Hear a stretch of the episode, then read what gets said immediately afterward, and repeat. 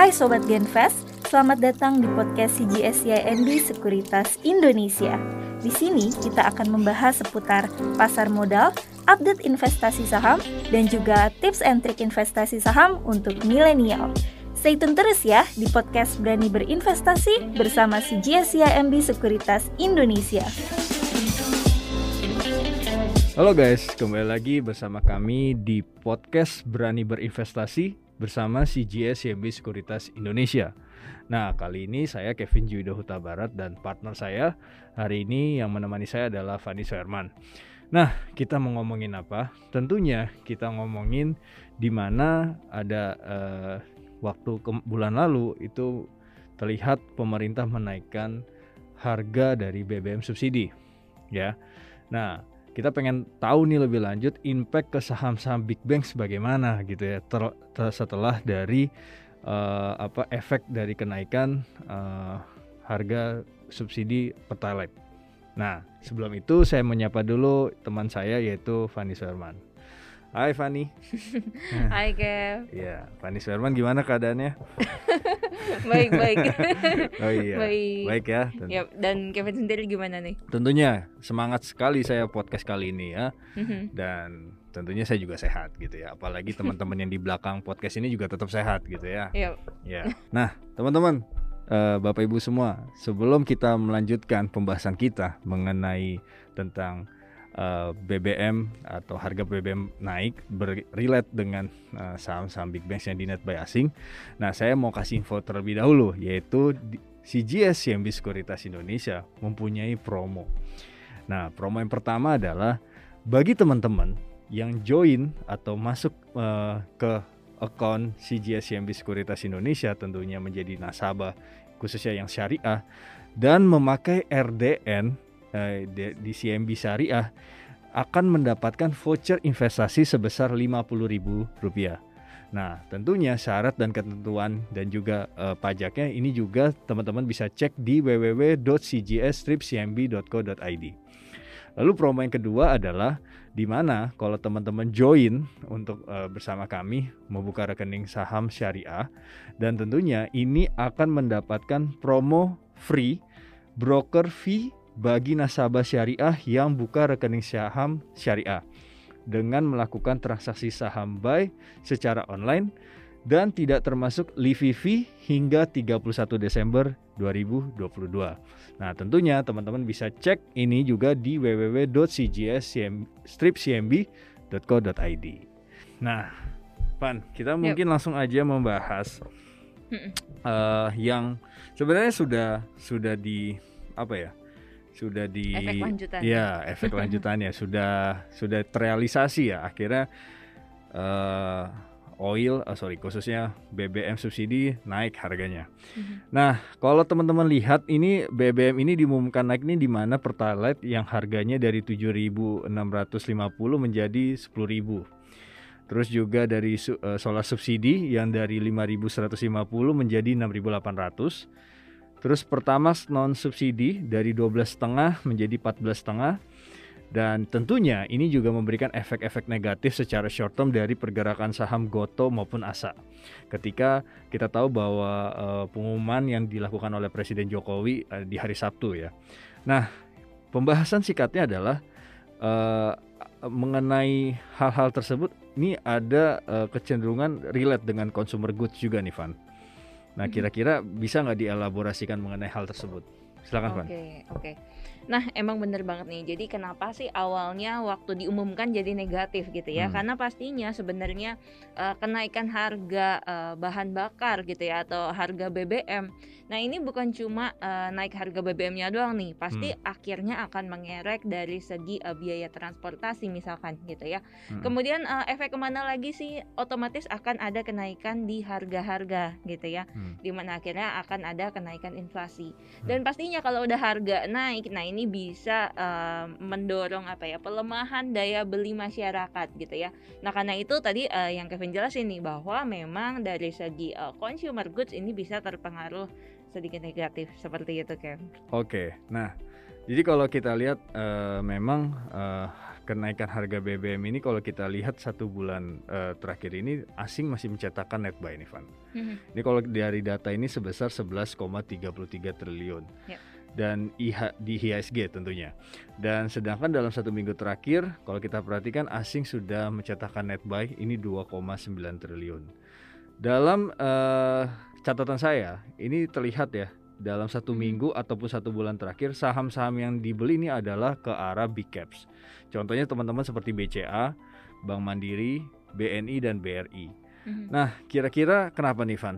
Uh, efek dari uh, apa kenaikan subsidi ini bisa mempengaruhi asing malah beli yang uh, cenderung big caps gitu. Yep. Oke, okay, thank you.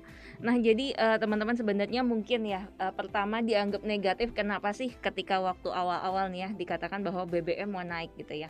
Ekspektasinya sebetulnya memang uh, orang udah tahu nih inflasi akan naik gitu ya. Hmm. Uh, karena memang orang-orang udah mengekspektasikan bahwa inflasi ini memang akan potensi naik dan uh, pastinya ini akan diikuti dengan kenaikan suku bunga gitu ya.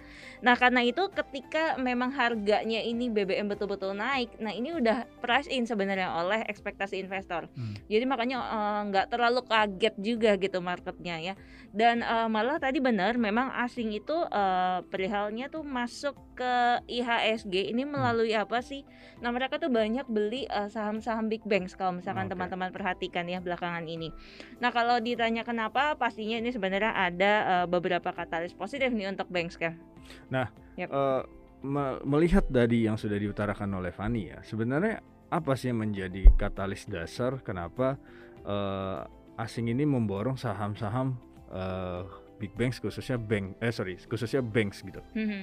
Oke, nah yang pertama nih teman-teman kalau kita lihat dari segi katalisnya ya. Jadi uh, pertama kita expect untuk uh, NIM ya atau hmm. net interest margin ini akan mulai expand nih teman-teman di uh, dari Agustus ya di mana dengan average NIM expansionnya itu kurang lebih sekitar 7 bips uh, quarter to quarter mm-hmm. di uh, third quarter 2022 dan ini puncaknya nih akan ada di third quarter 2023 seperti mm. itu dan big banks ini juga tentunya diuntungkan dari kondisi LDR yang rendah saat ini ya mm. jadi LDR itu apa ini adalah uh, loan to deposit ratio nah kalau dia rendah ini artinya sebenarnya ini masih ada potensi uh, untuk perbankan bisa menyalurkan lebih banyak loan seperti itu ya. Hmm. Dan uh, kalau dilihat LDR-nya rendah tapi pelan-pelan mulai naik nih. Berarti ada uh, pertumbuhan dari segi loan di situ, loan perbankan ya. Hmm.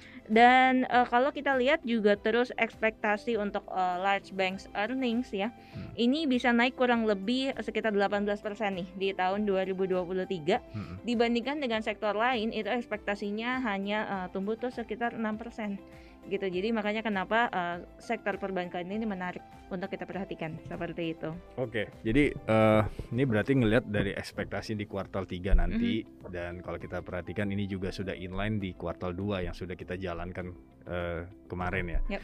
Nah, Van, mm -hmm. uh, tapi yang jadi pertanyaan itu kan tadi big banks ya gimana kalau kita bicara satu sektor tetap tapi uh, bukan big banks tapi uh, bank uh, bank digital ini mm -hmm. uh, ada semacam highlight-highlight tertentu nggak untuk hmm. bank digital sendiri? Oke, emang mungkin kalau misalkan teman-teman lihat ya, sekarang tuh uh, namanya bank digital udah mulai menjamur nih, gitu yeah. ya uh, mungkin beberapa teman-teman bertanya ini akan jadi ancaman nggak nih untuk big banks gitu ya. Karena yeah. kan uh, dengan banyaknya pesaing bisa jadi market share mereka jadi berkurang gitu ya. Cuma sebenarnya kita ngelihat bahwa antara big banks dengan bank digital ini uh, punya market share atau punya pangsa pasar yang beda teman-teman. Mm -hmm. gitu ya. Jadi uh, kalau misalkan uh, digital ini lebih ke arah mentouch orang-orang yang memang sebelumnya belum pernah punya uh, tabungan seperti itu ya. Hmm. Mungkin yang kayak di uh, desa dan sebagainya gitu ya. Uh, mereka mungkin lebih familiar mungkin dengan uh, gadgetnya gitu ya dibandingkan dengan misalkan uh, diminta pergi ke bank tertentu gitu ya untuk buka rekening ya. Nah karena itu uh, target segmen mereka mungkin lebih ke arah sana gitu hmm. ya. Nah sedangkan untuk big banks ini mereka tuh lebih menyasar untuk uh, menaikkan yang namanya market uh, deposits ya dengan uh, improving user interface dan juga uh, experience-nya gitu ya dan uh, large bank juga kalau kita lihat kan udah mulai ke arah digitalisasi nih kan hmm. gitu ya di mana uh, mereka ingin untuk generate fees juga dengan lebih banyaknya transaksi nih di platformnya mereka gitu oke okay, jadi uh, kalau kita perhatikan bank ini masih cenderung menarik ya dan hmm. lebih ke bahasanya kalau bahasa risetnya overweight ya jadi yep. uh, bobotnya besar juga nih hmm. untuk potensi return. Nah, Van, kalau kita bicara banks, berarti kan kita tadi belum sebut stock picknya apa. Nah, mm-hmm. mungkin bisa dielaborasikan oleh Fanny sendiri. Oke, okay, thank you. Dan tadi ya seperti yang kata Kevin, kenapa uh, sektor banks ini masih kita sebut overweight gitu ya. Uh, jadi overweight di sektor banks kenapa? Karena kalau kita lihat nih secara valuasi teman-teman, valuasinya tuh masih menarik ya.